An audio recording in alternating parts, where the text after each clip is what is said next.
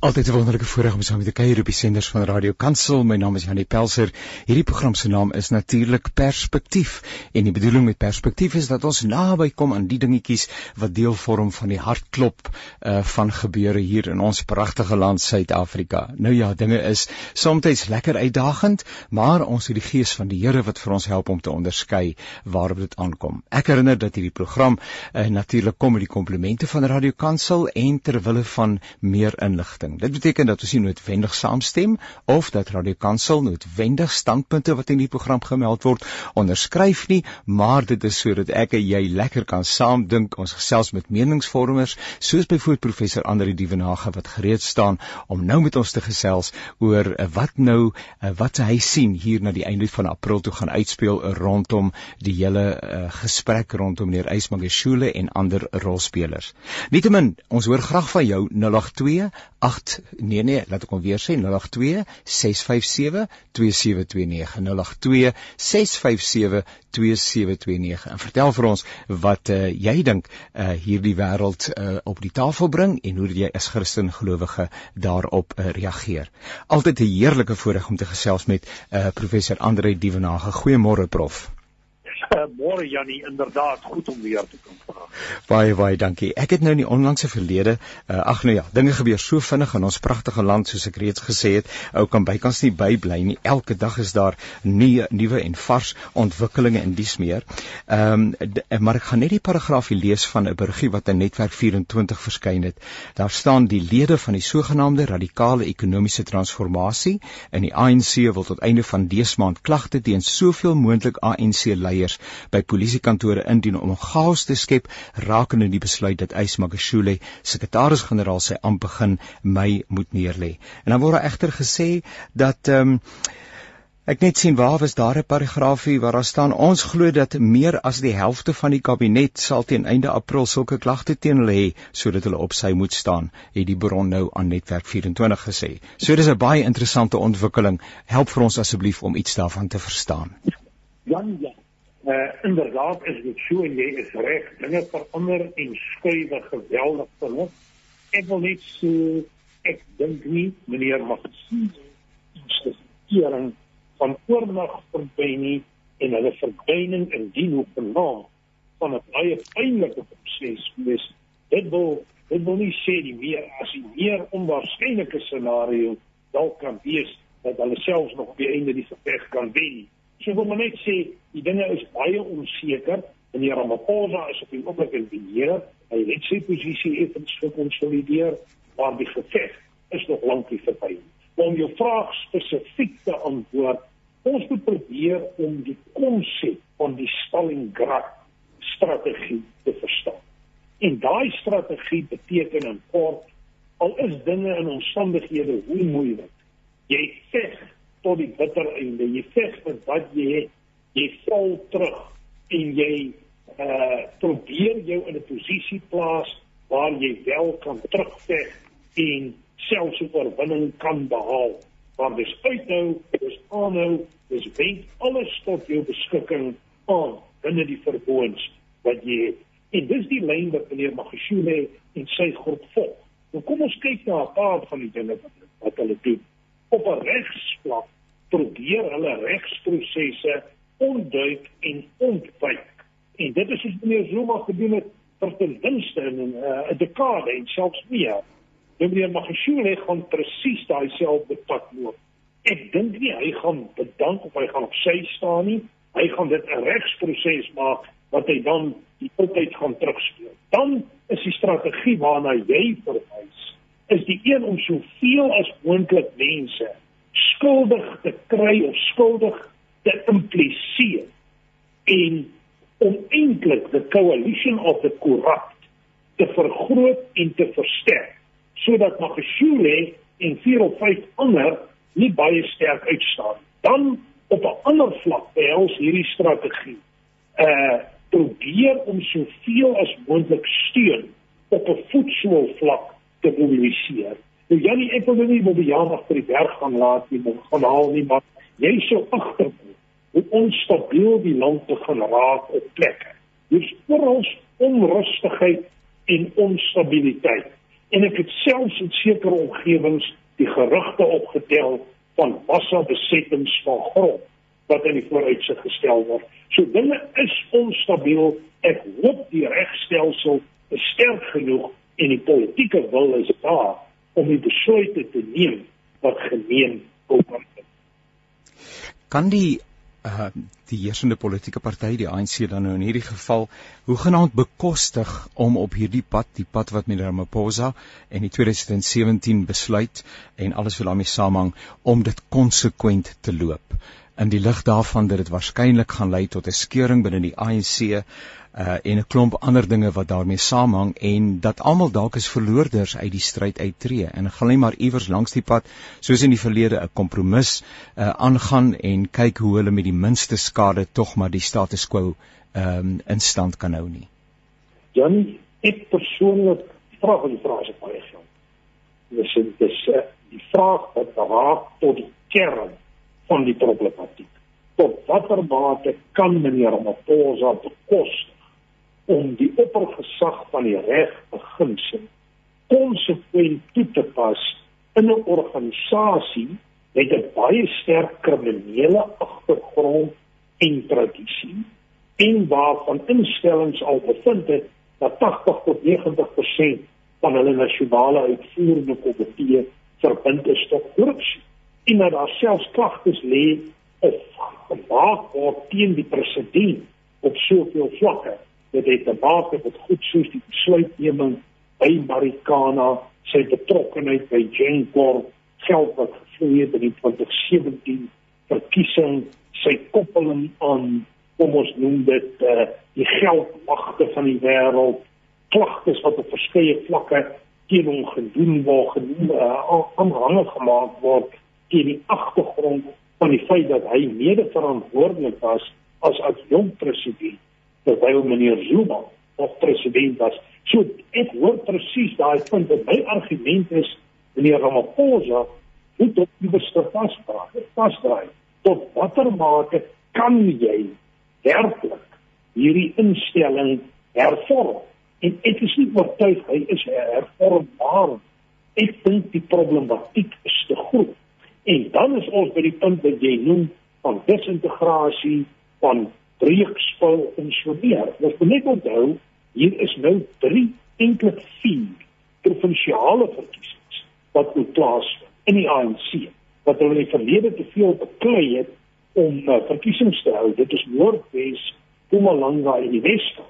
En dan weet ons 'n paar weke gelede is die Vrystaat se verkiesing van die provinsiale uitvoerende komitee, die Eisbach-Geschule en wanneer ook onwettig en ongeldig verklaar. So daar is 'n politieke proses wat loop. Dan in Oktober gaan ons stembus en die ANC kan nie bekostig om nie verenig in te beweeg daar nie. So werklik Jannie, as ek net vir jou sê ek werk baie baie jare in die scenario veld en die scenario omgewing. Maar ek dink die volgende 6 maande na jaar gaan baie baie bepalend wees. En my oorhoofse indruk is dat ons eintlik by die einde van 'n era staan en dat ons reeds begin het met die beplanning van 'n nuwe era en 'n nuwe omgewing. En hierdie is 'n baie moeilike geboorteproses wat hier begin plaas. Prof ander rolspelers moet tog op hierdie stadium hulle somme maak.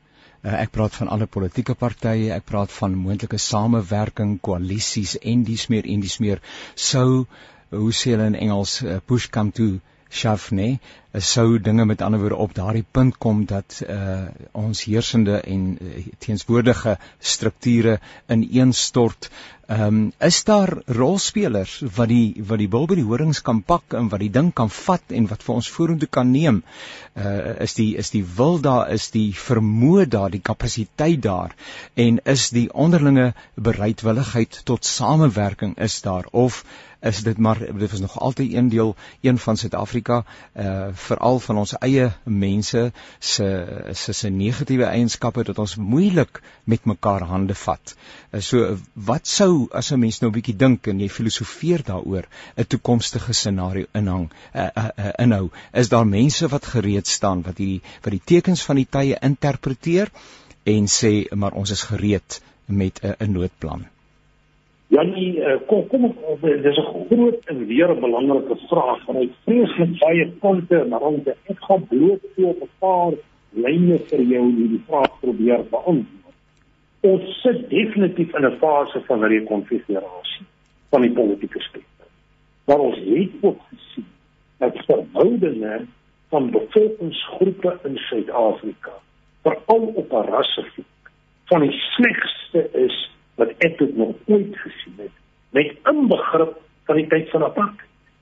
En ek moet sê op die oomblik is dit maar net sprekend wat besig is om by Pieter te gebeur wat ons ja. gesien het wat by Brackenfell gebeur het by Senekal en hier in Dorfies in Noordwes en so meer. So die verhoudinge in die algemeen is baie sleg. Maar ek dink tog dat daar groeperinge is en politieke leiers elites wat besef dat hier moet nie hande gevat word.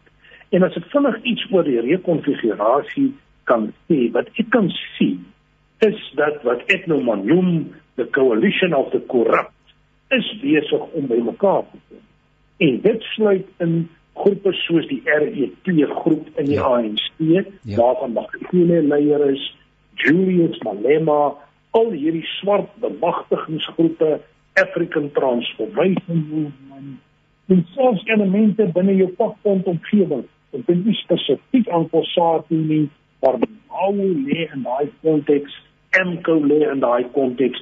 So dit lyk vir my of daar 'n groepering begin word. Dan is dit duidelik dat die gematigdes, die hervormingsgesien binne die ANC, hier kyk mens nou na mense soos Ramaphosa, Pravin Gordhan, Tito Mboweni en daar is 'n klomp ander, sal moet samewerking kry. En uh, John Steenhuisen is op rekord dat hy reeds gesê het hy is bereid om saam te werk in terme van grondwetlike beginsels. Ek het ook in een van my oud studente, was hy is die huidige leier van die Vryheidsfront Plus, ek en hy het so van tyd tot tyd gesprekke en hulle is ook bereid en hulle het al in koalisies en in alliansies saamgewerk met ander groepe. Dit is die meer gematigde. Nou, 'n mens wil nie graag as 'n analis standpunte uitspreek oor die politiek nie, maar dit is baie duidelik vir my dat in die gematigde omgewing daar vir ons 'n baie dieper toekoms is as in die radikale omgewing. Trouwens ek is baie bekommerd oor wat in die radikale politiek aan die gebeur is en waartoe hulle in staat is om te bereik wat hulle wil bereik. Ons moet net onthou die syfers in die land is geweldig sleg. Ons praat van meer as 50% van mense in Suid-Afrika wat in armoede lewe. Ons praat van 657 moorde per dag en 122 verkrachtings. Uh die die syfers, die negatiewe syfers is geweldig groot. Werkloosheid afhangende van watter definisie onderskeidelik na 30% of na 40%. Maar kommerwekkend is dat 70 tot 80% van jou jeug in sekere ouderdomsgroepe nie werk het nie. En dit is 'n resept vir onstabiliteit en vir revolusie. Plaas dit in 'n omgewing van ekonomiese uitdagings. Waar ons net moet onthou ons skuld in berekening tot die bruto binnelandse produk het van 2028 van omtrent 30% gestyg na oor die 80% vandag. Ja, ja. Nou dan nie dis werklik omstandighede wat groot uitdagings stel. Vandaar my beroep op leierskap my beroep op balans, my beroep daarop dat mense moet brûe bou en dat kerke 'n rol moet speel in wat vir my toenemend lyk 'n krisistyd is. Waarskynlik die grootste krisistyd sedert 94 indien nie selfs langer. Ek is so bly dat u want ek wou vir u gevra het oor twee dinge uh, net ten laaste uh, wat met mekaar seker saamhang. Die een is die rol van die burgerlike samelewing. Uh, u het ook die woord gebruik revolusie. 'n Mens wil dit nie eers suggereer nie, maar feit van die saak is wêreldwyd het ons voorbeelde van die burgerlike samelewing wat iewers by 'n plek kom waar hulle streep trek in die sand en sê ons kan doodgewoon net nie langer mee so aangaan nie.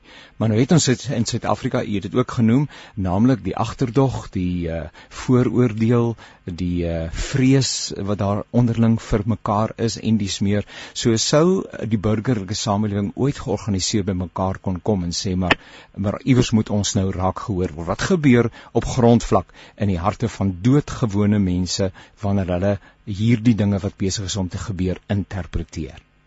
Ja, nie wie omtrent so 12, 15 jaar gelede het ek met wyle professor Lawrence Schlemmer, vir wie ek verskriklik groot agting gesprek gehad.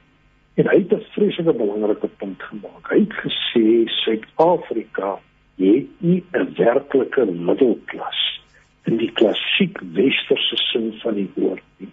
En veral wanneer dit kom by swart mense, het ons 'n gekoopteerde politieke middelklas. In ander woorde, mense wat aangestel is in posisies binne die groter stelsel en instellings, die plaaslike provinsiale sentrale regering plekke soos Eskom en so meer en so meer. Die gevolg is hulle gedrag is nie heeltemal die van 'n autonome middelklas maar van 'n polities geaffilieerde groep ja. met 'n belang by 'n politieke groep. En dit maak die situasie baie problematies dat die middelklas en die burgerlike samelewing soos in ander demokratieë as ek dit in aanhalingstekens kan sê genormaliseer kan funksioneer. En dan is dit ook interessant dat studies bewys het waar die middelklasformasies wel deur deur die uh, oppervlak kom en ons hulle word sigbaar is dit asof die rassisme dit wil verder intensifiseer en asof die middelklaswaardes nie altyd 'n brug of twee bou oor wat hulle noem in Engels the racial divide en dit maak dinge baie problematies dit maak dat die burgerlike samelewing 'n abnormale rol speel in funksioneer. Ek hoop dit is besig om te verander. Tyd gelede het ons die Breedie Stichting gehad wat met Afrikaner groepe in gesprek het. Ek vind dit tog dat daar op sekere vlakke 'n uitreik is. Maar ek moet sê dit is grond wat nog gelê moet word. Daar moet nog 'n stuk vertroue gebou word in 'n geskiedenis van diepe wantroue. En ek moet sê my eerlike oortuiging is dat die rol van die kerk kan in die verband baie sterker wees. Maar as jy nou weer die vraag vra wie is die kerk, dan wys die kerk ook 'n vinger na elke een van ons. Inderdaad. En in daai sin het almal van ons 'n verantwoordelikheid tot verandering.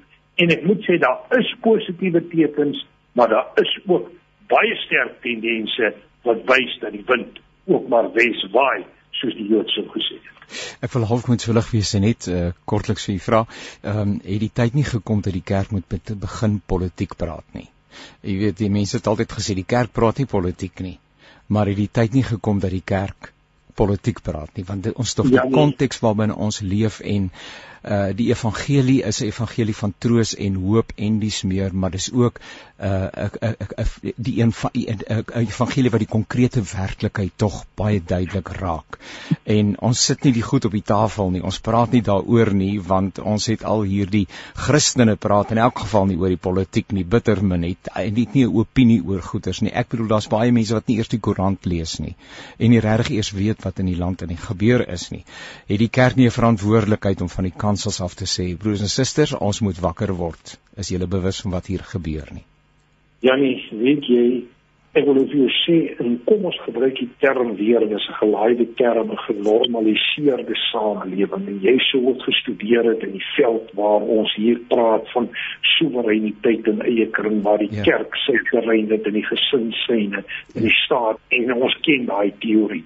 Ja. nou as jy daar volgens werk dat jy die kerk sy taak en die staat sy taak en die een behoort nie in te meng op die ja. ander. Ja. Maar die situasie waar ons nou staan, het letterlik alles politiek geword. As jy aanstelling maak op enige vlak van die samelewing, het dit 'n politieke konteks. As jy uitspraak maak, het dit 'n politieke betekenis. Die kort en die lank is, die kerk het nie 'n keuse nie. Ek dink trouens, die kerk moes al langer baie sterker toegetree het tot die politieke debatte en die stryde. Daar is net nie meer 'n keuse nie. Die krisis het te groot geword om buite te staan en net te sê dit is nie my verantwoordelikheid nie, dit is nie my plig nie.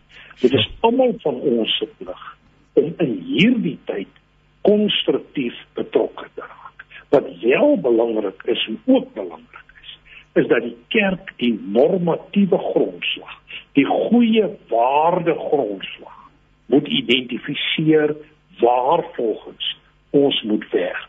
En dan moet daar aktief gewerk word om gedeelde waardes te vind wat mense bymekaar bring en nader hou aan mekaar. Want die krisis polities, ekonomies en sosiaal-maatskaplik het te groot geword. Die kerk se rol kan nie net meer die rol wees binne die gebou, dit moet 'n rol wees waar hy 'n aktiewe deelnemer en speler word daar buite in belang van dit wat ons altyd gedefinieer het as die algemene belang. Vir my moet 'n staat en politieke groeperinge altyd bydra tot wat die Engelse noem the common good. En ek dink die kerk het 'n besondere bydrae en 'n rol te speel in hierdie tye op alle vlakke ongeag ras, kleur of oriëntasie. Professor Andre Dievenage, altyd 'n voorreg om saam met u te kuier en saam met u gesels. Sterkte vir u, 'n wonderlike wonderlike dag vir u self. Baie dankie Jan. Dankie. Totsiens. There you have it, such an important contribution from uh, Professor Andre Dievenage concerning Yes, the role of uh, the church in a time such as this, the role of uh, the uh, civil society in a time such as this, and then obviously the role also of other political affiliations. Uh, are they sitting by? Are they thinking? Are they planning in terms of, and also in the light of what's uh, transpiring at the moment within our bigger political scenery? Uh, there's a lot to be discussed, a lot to be thought of, and a lot to be reckoned with. Uh, we live in desperate and challenging times. Desperate, not in the sense that there's no hope, because in Christ Jesus there's hope. There's always hope, because He's the expression of hope, and we are that expression of hope, the church in this world. But at the very same time, we need to be realistic, and uh, we need to have our feet on the ground. I think of the Our Father prayer that says, uh, "Let your kingdom come, and let your will be done on earth." On earth as it is in heaven. And sometimes when I talk about this particular passage or this particular aspect of the Our Father prayer, I, uh, I just paraphrase and say, I can hear God say, I'm so glad you prayed that prayer. Now you go and you do it. Because in a sense, I think that we pray the prayer and then say, okay, now God, you send some people to go and do that, to be an expression of that particular thought. But God says, no, you prayed it and you go and do it now. So, ja, dis 'n interessante wêreld. Net 083 679 Wat is dit vandag vir my 082 6572729 08265722729 I would love to hear from you. It's wonderful to get feedback and just to know that you are listening and that you are thinking about these things and that it's touching your world and that you are making up your mind or at least getting some perspective and that what we are sharing with you is worthwhile. 0826572729 Please drop us a note. Start with my name is Nico. My name is uh, Sipo or whatever the case may be. And just a line or two in connection with what you are thinking and so on. And there's a note from Xenophobia, Xeno, Xeno, Xenobia. And she says, hello, hoe gaan dit met jou? Ek hoop dit gaan goed. Now, I'm very well and it's lovely to hear from you. Dis my groot voorreg om te gesels met 'n jong man wat sommer 'n besondere indruk maak op 'n mens se lewe. Iwer Swarts. Goeiedag Iwer. Goeiedag, julle gaan dit. My boetie, dit gaan goed met my en is altyd so lekker om jou te gesels. Ja, dankie man. Nou ons het al gesels oor die boek wat jy geskryf het en jy is 'n kragtige skrywer, prediker, ja, 'n uh, dominee en 'n uh, klomp dinge wat daarmee saamhang, ehm um, naamlik ehm um, die verlore seun van die gaaitjie. Jy gaan nou vir ons net weer ietsie daarvan vertel en toe die boek ook nou in die afgelope tyd 'n baie besondere prys ontvang, erkenning ontvang. Uh, jy moet vir ons vertel van daardie toekenning asseblief, uh, wat dit vir jou hmm. beteken en wat in jou hart lewe met betrekking tot die toekoms. So kom ons hoor 'n ja. bietjie, gee vir ons weer 'n bietjie agtergrond oor daai spesifieke boek, jou eie konteks. Daar was ook in die afgelope naweek oor die naweek was daar in die Sondag uh koerante was daar 'n pragtige artikel oor jou, maar jy, niemand kan dit beter vertel as jouself nie. So gee vir ons so 'n neutedop ja. uh uh voelvlug oor jou lewe asseblief en waaroor ja. die boek dan gaan. Ja, die boek, die boek gaan natuurlik oor my ehm um, my storie, my getuienis, my lewensreis. Ehm um, omdat ek self ook in die die rol van die verlore seun ehm uh, die die die jong seun was wat tipe wat sy pad eie pad gekies het. Ek het in Grabouw groot geword en ehm um, ek het daar 'n uh, klomp 'n klomp geweld en seer en pyn beleef van uit my my eie huis uit. Ehm um, deur my ouer broer wat wat 'n absolute monster van 'n van 'n persoon was en wat ons aangerand het en ons ja afgekraak het op elke hoek en draai sure. en eventually het ek en 'n vriend um um die reg in ons eie hande geneem en ons het my my broer na ophoop van van seer en pyn en bitterheid en kwaad het ons hom um uh, vermoor. En um ek is die uh, tronk gestuur vir 6 jaar en 6 maande ehm um, waarvan ek 5 jaar gedoen het en tot bekering gekom het uit die tronk uit en ehm um, die teologie het swat het en ehm um, ja met die, met met die Suid-Afrika begin werk het om hulle stories te help verander, die narratief van hulle stories te help verander en die boek bevat daai hele reis met klomp verskillende boodskappe in vir enige persoon. Jy hoef nie sonder 'n pa groot te geword het of sonder 'n ma groot te of uit 'n moeilike huis uit te kom om om iets uit die boek uit te kry nie. Die boek vat raak op soveel plekke want dit spreek aan dat iewers wat dit is almal 'n soekte na belonging gehad of het steeds 'n soekte na om om te behoort om deel te wees van iets groter.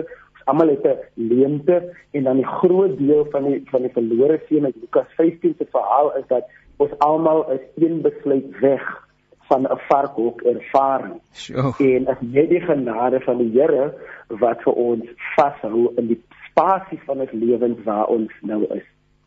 Sjoe, dis 'n geweldige ding wat jy sê. Ons almal is en uh, ja, dis so belangrik want 'n mens dink baie keer maar jy's heeltemal te goed. Hierdie goed kan nie met jou gebeur nie, nê. Nee. Maar ja, jy sê een ja. besluit weg van 'n varkhok ervaring. Ja, ja, ja. Ja, want ek dink ek dink ook mense mense dink 'n boek soos myne gaan vir hulle nie motiveer of hoop gee want hulle hulle ken nie daai konteks nie. Dis 'n storie wat ver verwyderd is ja, ja. van hulle lewens af. Maar as jy die boek lees en as jy die storie verstaan van die verlore seun, is daai boek baie nader aan jou eie verhaal en jou eie reis met God as wat jy as wat jy dink. Ja. Vir wie het jy die boek geskryf? Ek het die ek het die boek geskryf vir vir vir Eerstens vir elke verlore seun wat en dogter wat soek en wat smag en wat huil en wat wonder en wat vra vra oor maar waar is God in die gemors van 'n storie van my? Hoe beleef ek hom in die gemors van 'n storie van my? Um, waar plaas ek myself in die verlore seun se verhaal en hoe kan ek teruggaan huis toe of dit na 'n fisiese huis toe is en of dit na 'n 'n oomblik in my lewe is waar ek net 'n 180 grade draai moet maak en of dit is na God se huis toe waar plaas ek myself in daai storie? Maar ook in vir die breër Suid-Afrika om te wys ehm um, moenie te vinnig mense wat aangejaag het mense wat down and out is mense wat geweld pleeg mense wat in die tronk sit mense wat society eintlik probeer vir vir vir my ek moenie so vinnig daai mense afskryf nie want God is ook besig in hulle storie op dieselfde wyse wat jy glo hy besig in jou eie storie Ek uh, kan myself net indink um, en jy sê jy praat van mense wat in hulle eie ehm um, uh, omstandighede versink is maar uh, en en daarmee wil ek nie vergelyk nie maar as ek nou sê maar as daar iemand is jy jou eie storie jy sit in die gevangenis uh, jy's vir 6 en 'n half jaar uh, is jy uh, ge, gefonnis tot 6 en 'n half jaar gevangenisstraf en hmm. dit boonop uh as gevolg van moord. Ek bedoel kan enigiets in die lewe meer desperaat wees? Kan jy iets ja. van die emosie van jou gedagtes herroep uh, of was jy so verbitterd, ek vra, verhard, dalk vervreem uh, van jouself, jou eie emosies van die van ander mense voordat die evangelie helder en duidelik na jou gekom het? Uh hoe hoe het jy hoegenaamd emosioneel oorleef in daai tyd? Ja, ek ek, ek dink ek het uh, die die die verwerping het het het heavy ingeskop omdat jy voel wel nou nou nou die hoop wat ek gehad het op myself is gone. Die hoop wat daar was van buitekant af van die samelewing se kant af is gone. And obviously um, gaan hulle nie meer 'n tweede kans gee nie. Die samelewing daar buite is baie minder uh oop om te vergewe as wat jy as wat jy dink. Um, so jy het ek het myself half al afgeskryf Ja. So ek het gedink aan daai hele idee van ehm um, ehm um, jy jy is nou alleen, so niemand moet gaan oor jou worry net, so jy worry nou net oor jouself. So alles het jy jy jy jy, jy klim in 'n gat in van ek is op my eie, niemand gee om oor my nie. Hoekom moet ek omgee ja. oor oor ander mense? Ja. Plus dan nou die die die die alleenheid, die eensaamheid, daai wat jy in die aand gaan slaap en jy weet nie jy het nie taal vir wat jy voel nie. Jy kan nie jou gevoelens deel met die mense om jou nie want binne die tronk het jy verwag om 'n bepaalde emosie te uh, uiting te gee. Mag net anger en jy mag glad nie negatiewe of of of vulnerable weerlose emosies toon nie. So in die aande lê sit jy met al daai goeie wat rondspoel en jy kan nie taal gee of uiting gee aan dit nie. En tog, het jy het jy as ek nou dink dat jy vandag dominee is in die in die NG Kerk, nie belangrik waar 'n mens is nie en dit is ook nie belangrik mens dominee is nie. Vyf van die sake is dat mens ontdek waartoe God jou roep en daarmee besig is. Maar net jou lewe is dan nou die voorbeeld en so aan. Ehm um, jy praat van bekering. Uh, wat het gebeur? Wat is bekering? Wat het gebeur in daai konkrete situasie toe jy met ja. die evangelie gekonfronteer is? Ja, vir my is is is is bekering bloot dit wat wat wat wat Jesus sê jy moet jy moet 'n ervaring hê van ek het in 'n bepaalde rigting gestap met my lewe. Ek het gedink dit is hoe my lewe gaan uitdraai, dit is hoe my storie gaan uitdraai, dit is wat ek uh, uh, dink is moreel reg of verkeerd, dit is wat ek dink ek is goed in en alles van my lewe word word uh, uh, gedryf deur daai goed. En dan as jy gekonfronteer word met die evangelie met die goeie nuus dat niks van wat jy dink jy is goed in is eintlik op God se standaard goed nie. Mm, Tot ja. wanneer jy sê Jesus is nou Here van my lewe. Ek ja. kies nou om hom Here van my lewe te maak. En eers dan sê dit dan dan draai jy nou daai 180 grade daai metanoia ervaring. Ek stap nou in 'n ander in 'n teenoorgestelde rigting agter Jesus aan hoe hy wil hê ek moet beweeg en dit het vir my gekom op 'n Sondagoggend by by Gerard en Ami se se se se kerkie in Grabouw waar hulle net 'n dood eenvoudige uh, uitnodiging gemaak het by by by by um, by die kerk. Um, ek kan nie vir 100% onthou wat die uitnodiging was maar ek het ge geweet dit is die ding waartoe ek my lewe waaraan ek my lewe nou wil toewy. Ja. Jesus is Here en hy vra van my 'n paar goed en die goed van my verlede gaan nie nou meer my toekoms bepaal nie. Amen. Amen. Dis fenomenaal.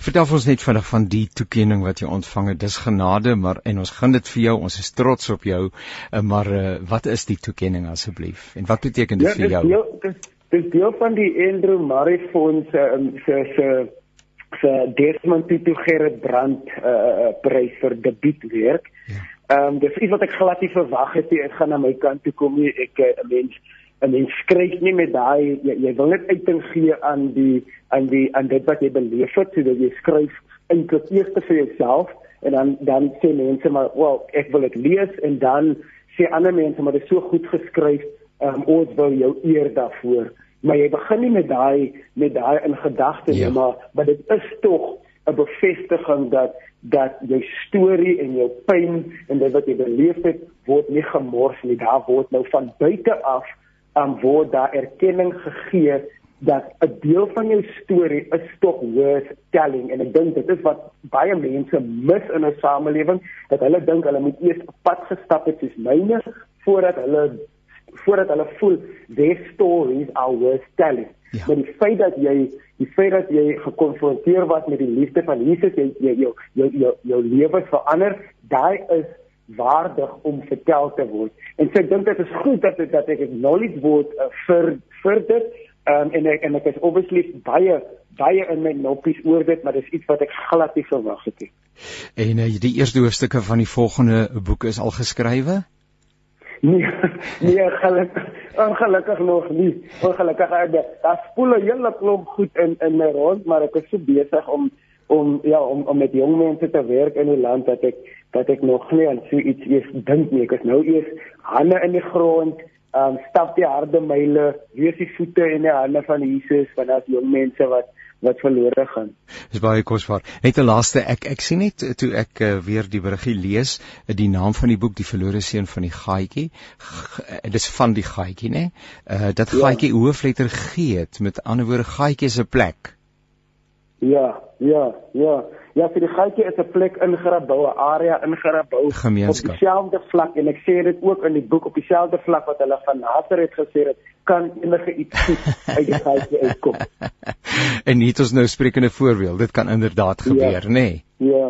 Ja. Iwer altyd so voorreg om met jou te gesels en uh, ons eer uh, jou gehoorsaamheid en uh, ons is dankbaar saam met jou en wens vir jou van harte geluk met die uh, toekenning wat jy ontvang het en uh, ook in die besonder met jou werk onder die jong mense. Ons het in 'n vorige gesprek met professor Andre Dievenage gepraat. Die tydsgewrig waarin ons lewe is ontstellend. Uh, as 'n mens realisties is, dan uh, kom ons agter uh, dit is nie uh, dis nie alles maanskyn en rose nie en ons mense en ons ja. jong mense vernaam het hoop nodig, hulle het rigting nodig, hulle het nodig om te hoor uh, wat die Here vir hulle sê. So sterkte met jou werksaamhede en groete vir jou gesin. Baie dankie en gesels weer.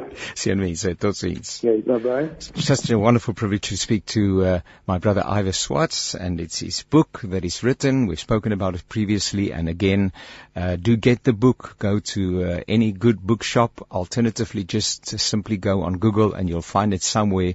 Die verlore seun van die gaaitjie.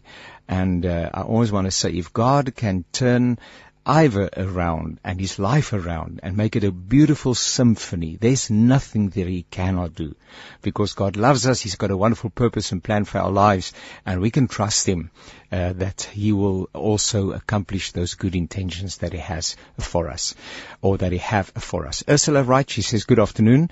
Um, it is Ursula Allen Andrews. I just want to say what the gentleman was saying is right because our country must put a stop to all these things that are happening and we as church, Jesus Christ must help the leaders to make changes to that the people will suffer like this and the violence must stop.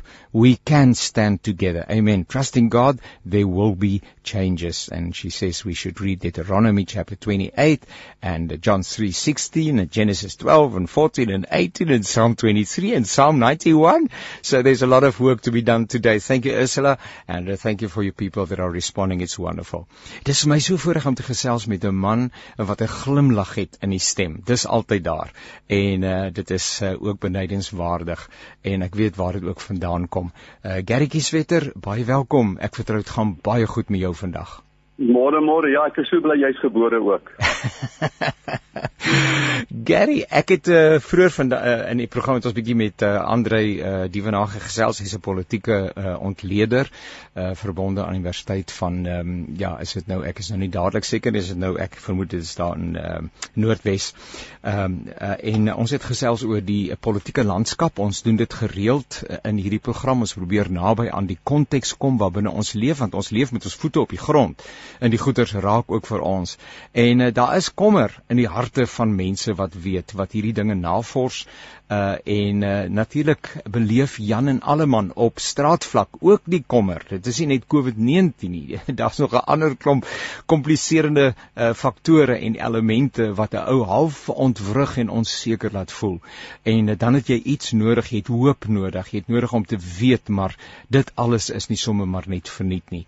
En ek het vir jou gevra om vir ons in die volgende week of 3 'n bietjie rondom daai tema in te lei. So vertel vir ons, wat sê die Here vir jou? Wat is op jou hart met betrekking tot ons konteks en uh, ook dan in besonder die rol en die plek en die roeping van gelowiges? Wel, baie dankie. Kom ons begin met daai stelling wat jy gepraat het oor 'n man wat 'n politieke uh uh um ontleder. Ja. Ontleder is ja. Jy weet, uh, reg deur die Bybel, uh, Israel het altyd oorwinning gekry solank hulle onderdanig was en hulle was bereid om gehoorsaam te wees aan uh, aan God as hulle koning. Uh tot op Dawid, uh, tot op Saul was daar geen koning in in Israel nie. Ja. Was net profete, priesters, was geen koning nie. Ja. En elke oorwinning het hulle gekry want hulle het volgens God se raadsplan, uh God se gehoorsaamheid, God se strategie, God het die antwoord op alles. Maar dit hang alles af dat ons onderdanig is aan sy wil. Sien die groot ding is uh Saul het 'n uh, goeie koning begin. Maar met die tyd het sy hart van God begin weggaan. Eh uh, deur sekere keuse besluit wat hy gemaak het. En die Bybel sê en toe God op soek uh, was op soek om 'n ander koning te kry om hom te verplaas. Ja. Eh uh, jy kan nie as 'n nuwe koning, 'n nuwe leier in die vorige leiers se uh, uh, tyd van sy leierskap heers nie. Dit is onmoontlik. Jy moet die atmosfeer verander. Jy jy verander die kultuur deur God se koninkryk. Jy sien in die Bybel uh die die die die mag in elke land.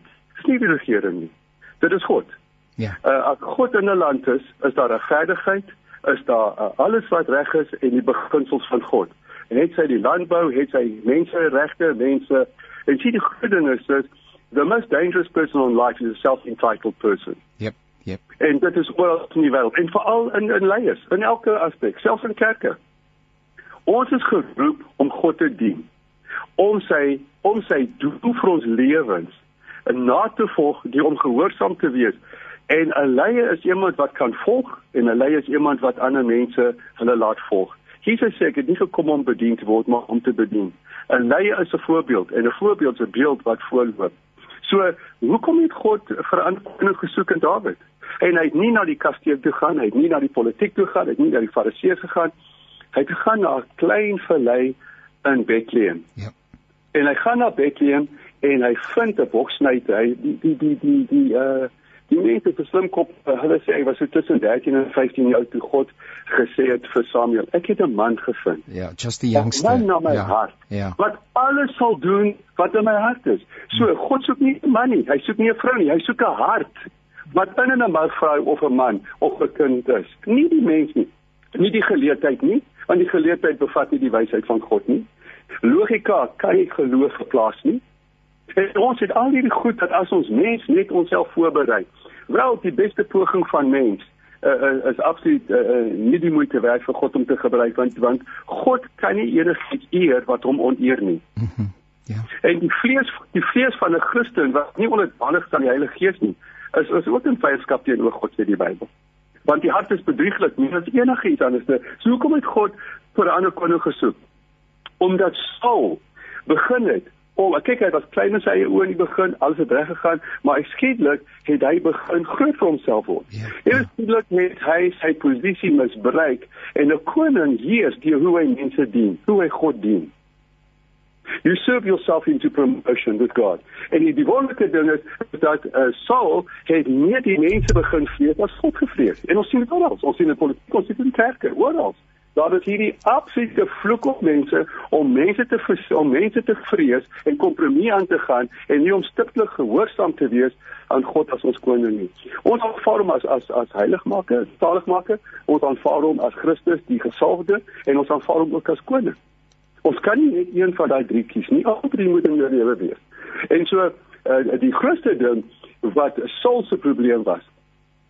Hy het nie belang gestel in sy beeld as in die toestand van sy siel vir God. Mhm. Mm ja. Ja. En hoeveel leiers is daar wat dit is? Hulle is meer bekommerd oor wat mense van hulle dink, wat mense van hulle sê, as wat God oor hom glimlag en sê, weet jy wat? Ek vind 'n genot in my roeping in jou lewe. Want ehm um, die goedenis is dat Saul het begin al hoe meer van God weggaan. Hy het nie God en, en in Saul se hele lewe van dat hy het hy nie aanbidding herstel nie. Hy het nie die lesing van God woord in Openbaring herstel nie. Maar toe Dawid sy posisie inneem as koning, het hy heel eerstens aanbidding teruggebring. Het hy heel eerstens uh, teruggebring dat hy vir mense omgee, want as jy hart as jy God se hart oopmaak, is dit net gebroke mense. En baie keer gebrokenheid lei tot 'n deurbraak. PK is 'n klein boksnyter uh, en, en hy word gesalf deur Saul. Uh, deur deur Samuel. Hy word gesalf en daai oomblik bekragtig God hom om die ervarings en deur moeilike moeilike tye suksesvol te wees. Hier kom 'n leeu, hier kom 'n beer en hier kom Goliat. En hy was gesalf en maar hy was nog nie aangestel deur God as koning. En wanneer God jou roep, wanneer God jou begin gebruik in mag en gesag, dis alles 'n voorloper om jou voor te berei vir die posisie wat jy gaan beklee, beklee as koning. Want as koning maak jy meer invloed op enige een as 'n intercessor asof iemand wat gaan preek 'n koning alles vloei van bo die salwing vloei van bo die autoriteit kom van bo en so wat ek graag wil sê is dat eintlik David word vervolg deur Saul ja. uit 'n jaloesie uit 'n bitterheid en Saul se hele lewe het 'n obsessie om David dood te maak En nogtans hy het sy dogter van gegee as as as uh sy bruid. So David was Saul se skoonseun. Saul se seun wat die volgende natuurlike koning sou word, was David se beste vriend wat in verbondskap met hom gestaan het. Ja. David het al die oorloë van Saul oorwin. En toe jaag hy hom en David het die eerste keer sy lewe hardop by weg. En hy hardop weg en hy gaan vind homself in 'n grot by die naam van Adulam. Wat fantasties is is dat elke persoon maak nie saak watter vlak in seisoen jy deur gaan nie. As dit nou sukses is of of of of mislukkings of wat ook al. Jy sal jouself in 'n in 'n grot van diep donkerte en alleenheid vind. 'n Plek van wat jy sê dit is my dit is my plek van toevlug, dit is my kasteel. Die enigste ding in 'n grot, hy het nie 'n deur nie. Sy ingang is ook sy uitgang. So jy gaan in, maar jy kan nie jouself toemaak nie. En dink gou ja, David word so intoe gejaag en hy's op sy eie daar vir 'n tyd. En ek het begin dink voor ek met jou begin praat het, uh, ja, ja, dit is ja. groot voordat ek ooit met jou kon 'n pad geloop het. Jy's werklik vir God 'n uh, 'n aangename persoon vir God. Maar hierso kom jy dink Wat dink jy? Dis nie net Bybel nie, maar wat dink jy? Het Dawid die eerste aand vir God gesê in die grot? Hy moes gedrop, dis net my weergawe. Ja, ja. Hy sit en hy sê, "Hallo, is iemand hier?" Want in die grot kan jy altyd van binne na buite kyk want daar's die lig en jy sien hoe dit. Maar as jy as jy van binne kyk na buite, jy kan nie die diepte van die donker sien. Jy kan nie sien wat wegkry nie. Ja. So hy's in hierdie grot, hy's nie seker as dit alleen nie. Ja. Is dit veilig? Ja. Want ehm um, en al sy metgeselle was vlegmeise. Maar die probleme was almal was tog blind. Is anybody out there? Nee. Jy verstaan. So hy hoor gereis, hy hoor geraas, hy hoor gepiep, maar die ding is net in die donkerte van die donkerte. Ons vlug die vleermuise en hy's nog steeds alleen. Ja. En daar's mense wat jou in 'n donker gat sien en ervaar en beleef. En in hoe donker jy word, is hulle so seker, hulle weet nie hoe om jou te beraad nie, hulle weet hoe want baie keer wil vir jy benke vir jou raad gee wat hulle nie toepas in hulle eie lewe nie. Hm. Soms wil God jou alleen hê. En hy sê enigiemand daar buite, as ek alleen nie en hy begin hierdie woorde sê. Here, ek onthou uh ek my gesalf as koning van Israel. Ehm um, met respek, ek is nou koning van 'n God. Daar's 'n groot verskil. En ek is hier omdat ek niks verkeerd gedoen het nie. Dis nie hoogmoed nie, dis net eerlik. Hy sê Here, ek het uh, toe die paaskapies van my pa gehad, my verantwoordelikheid oor die paaskapies en toe die leeu kom, ek het nie toegelaat dat ek en nie vir my pa getrou kan wees oor die paaskapie nie. So my verantwoordelikheid is ek lê my lewe neem en ek bevry daai lammetjie wat hy in sy bek vat en ek gaan want ek ervaar ek het durf en wag en dit is wat die krag van God die Heilige Gees in jou doen. Hy gee jou durf en hy gee jou 'n uh, uh, uh, 'n vrymoedigheid, né? En en jy you take a calculated risk because jy weet God is met my. Ja. Hy maak jy doen dit. Hy maak jy weer doen. Hy maak hy maak Saul die hele uh, Israel se vyand dood, Goliat. En dan sê die Bybel, hy sê maar Here, uh, ek het um, niks verkeerd gedoen. En die enigste rede dit hier is, is omdat onthou Here, ek het baie van die psalms geskryf oor my moeilike tye, my regheid praat met U en dan eindig ek altyd dit weer met hoop, met vertroue en verklaar dat U die goeie God is. Maar Here, iemand, ek weet nie wie, het 'n lied geskryf oor my en Saul. Ek het nie gekomponeer nie. Dis nie my, dit is nie my lied nie. Saul maak sy duisende, Dawid sy 10000. Hier in hierdie lied is nommer 1 in Israel. En en Saul haat dit. Maar dis nie met te doen nie. Ja. En baie keer beland jy in 'n in 'n in 'n groot van donkerte. Nie wat jy gedoen het nie, maar wat ander mense van jou sê. Ja. Baie keer beland mense in moeilikheid, nie omdat hulle self 'n fout gemaak het en stupide besluite gemaak het nie, is omdat mense agter hulle rug goed gaan sê en 'n leuen gaan altyd vinniger as 'n waarheid. Ja. Selfs kerke en gelowiges is nie geneig om 'n leuen te glo oor 'n leier as wat die waarheid is. Gary, I'm going to ask you, uh, uh, and, and we just have three minutes left, really, or four minutes okay. maximum. I want to ask you to do two things, if you feel in your spirit and obliged to do it. Number one, speak a word to authority in South Africa. And number two, speak a word to the nation and uh, we can build on that next week, but perhaps just something that. that's in your heart. Speak a word to authority in the light of well, what you've just said, and speak a word to the nation. God gives me dreams, and I had a dream uh, two months ago. Uh, en en die Here sê vir my, vir jare bid jy vir die NG Kerk vir herlewing. Ek sê Here 30 jaar, ek sê ja Here.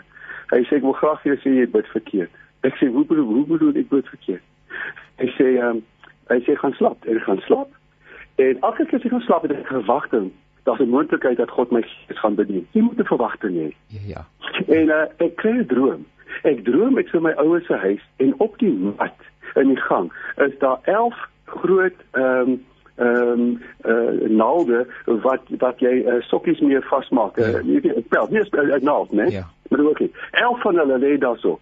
En ek tel hulle op en in die droom sien ek dat ek hierdie woorde sê Ek gaan dit optel dat iemand nie sy voetie insit en dan dit ja, uh, dit by ja. hom sy vooruit gaan.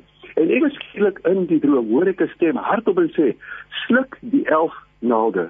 Mm -hmm. Nou, ek is gebore met 'n uh, sleep apnea. Ek het elke keer ja. gedroom vir 40 jaar ek ek sluk iets uh, gevaarlik in, 'n pen of 'n 'n muur of 'n buit of iets. En ek so in onderbewussyn gebeur het want ek is bevry die laaste 9 jaar. Maar ek het ook 'n keel dat ek het uh, wat nou bietjie slap geword het dat ek kan nie al my kos afsluk hier. Daar't altyd iets aan uitkom. Ek het 'n probleem met sluk. So in die droom om dit te hoor, in my onderbewussyn sou dit weer 'n slap afneem as God jou bevry is jy bevry. En ek uh, ek sluk dit en ek sien dat voor my is 'n groot uh, uh, ekstra masjien. En ek sien my keel wat so styf is en ek sien my maag en ek sluk elke een en ja nie die die lang naalde buig saam met die hoeke van my slukpak. Ja. Al elf gaan in. En ek sê ek voel vader ah, ek sê as dit vader what did I just dream please? And I said for me I want you to teach and I want you to declare what is happening uh, in this country. He said you're on the, the, the, the, the South Africa is on the point of a visitation from God. Niemand bepaal die oomblik van God se besoeking nie. Maar wanneer hy besoek, het jy die voorreg en die reg om hom te laat vertoef. Hy bepaal wanneer hy by kerk kom en hy lewe. Niemand kan by lewe uit homself doen. Dis nie wat ons sê of bid of dit nie. Hy daag net op. En dan sê hy, ek is hier, wil jy ek moet vertoef? En hy gaan vir generasies nou vertoef. So, die Here sê vir my, hoeveel offisiële tale is daar in Suid-Afrika? Ek sê daar's 11. Hy sê die herlewing wat nou kom en die totaliteit wat kom, dit gaan nie een volk kom nie. Hy sê ek het my mense, ek het my getuienisse in elke volk. Hy sê ek's besig om uit 11 volke, dis nege swart volke en dan die Engels en die Afrikaner. Hy sê ek gaan dat daar gaan eers stem kom. He said, son, I'm about to release a sound. Everybody wants to make a noise, but in the Bible, there's always a sound. God, Adam and Eve heard the sound of the Lord coming in the Garden of Eden. And God says, if you don't hear the sound of heaven, you have no noise. You have no voice. You have no noise. And he says, my kingdom is not about noise. He says, when I whisper, hell trembles. Gary, ons song. Ja, dis ja, ons tyd het ons ingehaal. Ons moet asseblief volgende week verder gesels. Ons tyd het ons ingehaal, but uh, but but but yes, yes, we need that voice and we need the spirit of God and we need okay. we need hope and uh, and yeah. I would like you to think about uh, um and and you've started answering that question and thank you for sharing that wonderful dream. Okay. Uh, but prophetically, what is God saying to this nation and prophetically, what is God saying to the authorities? And I pray God that people will be listening. Thank you so much, Gary. It was lekker om saam met jou te kuier. God bless you my broer, is lekker okay, om jou te kuier, hoor. Nou ja, so het ons aan einde gekom van hierdie saam kuier. Professor Ander die Dievenage, ons het gepraat met Iwer Swarts, ons het gepraat ook met uh, Gary Kieswetter en ek is sommer rasend bemoedig. Die Here is met ons op pad. Dinge is nie desperaat nie. Nee, dis 'n wonderlike geleentheid om die hand van God in beweging te sien in hierdie land Suid-Afrika. Pas jouself mooi op, hoor. Onthou komende naweek uh, Sondag tussen uh, 1 en 2 naweek aktueel dan gesels ons verder saam met mekaar.